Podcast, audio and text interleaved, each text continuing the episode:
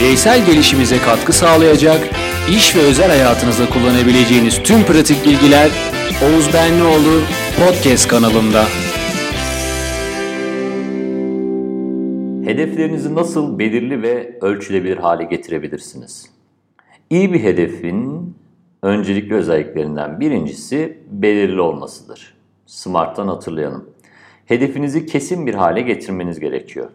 İnsanlara ne yapmanız, ne yapması gerektiğini, nasıl yapmaları gerektiğini, kimin bu işten sorumlu olduğunu ve performans standartlarının neler olduğunu mutlaka söylemelisiniz. Peki bu ne anlama geliyor? Eğer gidip insanlara performansımızı en iyi hale getirelim dediğinizde insanlar nasıl davranır? Ne üzerinde çalışacaklarını bilemezler ve kafaları karışır. Bu nedenle hedeflerinizi belirli hale getirmeniz çok çok çok önemli. Onlara kurumsal satışları %8 oranında büyüterek satış departmanımızın %12 oranında büyümesini sağlayacağız gibi bir hedef belirleyebilirsiniz. Böylelikle çalışanlar, ekip arkadaşlarınız ne üzerinde çalışmaları gerektiğini bilmiş olurlar. Ayrıca kişilerin performans standartlarını bilmelerinde izin vermemiz gerekiyor. Bu standartlar hata oranları, hız, güvenlik, kalite puanlamaları gibi şeyler olabilir. Kar ya da satış üzerinden belirli ölçütlerde hedefler belirleyebilirsiniz. Eğer hedefiniz belirli olmazsa çalışanlarınız yanlış şeyler üzerinde çalışacak ya da yanlış sonuçlara odaklanacak. Bu da hedefe dahil olan herkesin performansını etkileyerek tüm ekibin hayal kırıklığına uğramasına neden olacaktır. Önemli bir nokta. Eğer bir hedef belirli olursa hedefe dahil olan kişiler ne üzerinde çalışacaklarını çok çok çok iyi bilirler. Hedefinizi belirlerken bir adım geriye çekilebilirsiniz. Buna balkondan bakma diyoruz. Balkondan bakabilirsiniz. Bir kişiyi işe aldığınızı ve o kişiye bu hedefi vereceğinizi hayal edin. Siz o kişiye bu hedefi verdiğinizde tam olarak ne üzerinde çalışacağını anlayabilecek mi? Yani onun gözünden bakmaya çalışın. Eğer anlayamayacaksa daha fazla zaman ayırıp o hedefi nasıl daha belirli bir hale getirebileceğinizle ilgili düşünmeniz gerekiyor.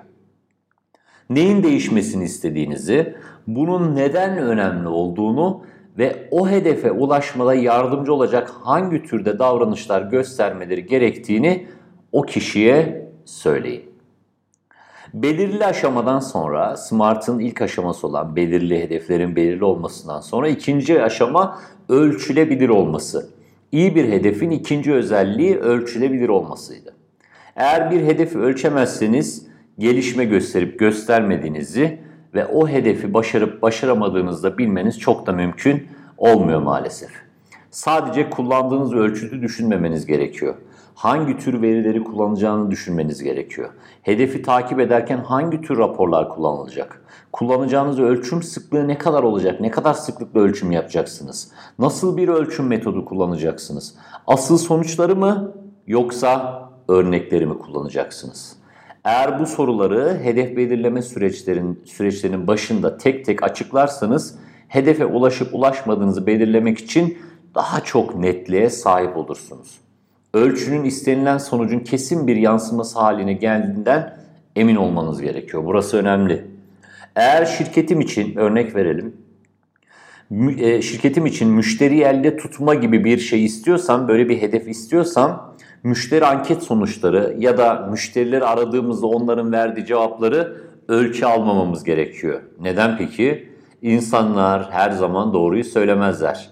Ya da size duymak istediğiniz cevabı verirler ki özellikle Türkiye'de bu çok çok daha popülerdir. Böylece asıl davranışlarının yansımasını, asıl düşüncelerini, ürünle, hizmetle ilgili, sunduğunuz şeyle ilgili asıl hissettikleri duyguları sizinle paylaşmazlar. Eğer müşterilerimi elde tutmak istiyorsam sahip olduğum toplam müşteri sayısını ve bunlardan kaç tanesini kaybettiğimi ölçmem gerekiyor. Ölçünüzü, ölçünüzü olabildiğince çok ölçütün direkt yansıması haline getirmeye çalışın. Örneğin bir zamanlar bir çağrı merkeziyle çalışmıştık. Müşteri memnuniyetini önemsiyorduk ve bunu en önde gelen hedeflerimizden biri olarak belirlemiştik. Fakat aslında istediğimiz şey müşterilerimizi elde tutmaktı. Müşteri memnuniyeti gibi bir hedefe sahip olduğumuz için yalnızca müşterilerin kaç kez bize geri arama yapıp yapmadıklarına bakıyorduk. Basit bir şekilde ilerliyorduk.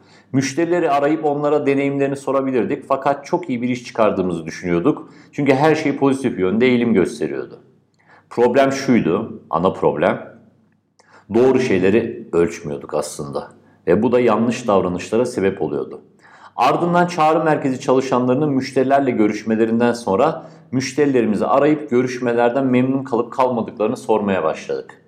Bir anda çalışanlarımız müşterilere çok daha iyi davranmaya başladılar. Çünkü biliyorlardı ki biz o müşteri tekrar arayıp deneyimimiz nasıldı diye onları soracaktık. Çalışanlarımız eğer müşteri daha mutlu olursa daha iyi skorlar, daha iyi sonuçlar elde edeceklerini düşünmeye başladılar. İşi biraz daha derinleştirip çalışanların, müşterilerin problemlerini çözüp çözmediklerine odaklanmaya da karar verdik. Aslında çalışanlarımızın müşterilerimize ne kadar iyi davrandıkları önemli değildi. Önemli olan müşterinin problemini çözüp çözmedikleriydi. İlk kez problem çözümünü ölçmeye başladığımızda bu çalışanlarımızın davranışlarını da değiştirdi.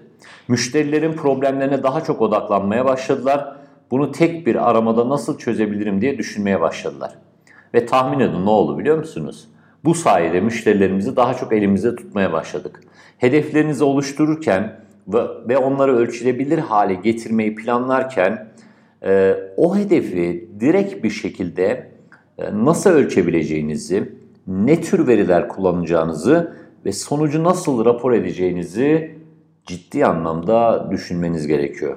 Çünkü bunları netleştirdiğinizde davranışların hedef doğrultusunda çok daha hızlı bir şekilde değiştiğini görmeye başlayacaksınız.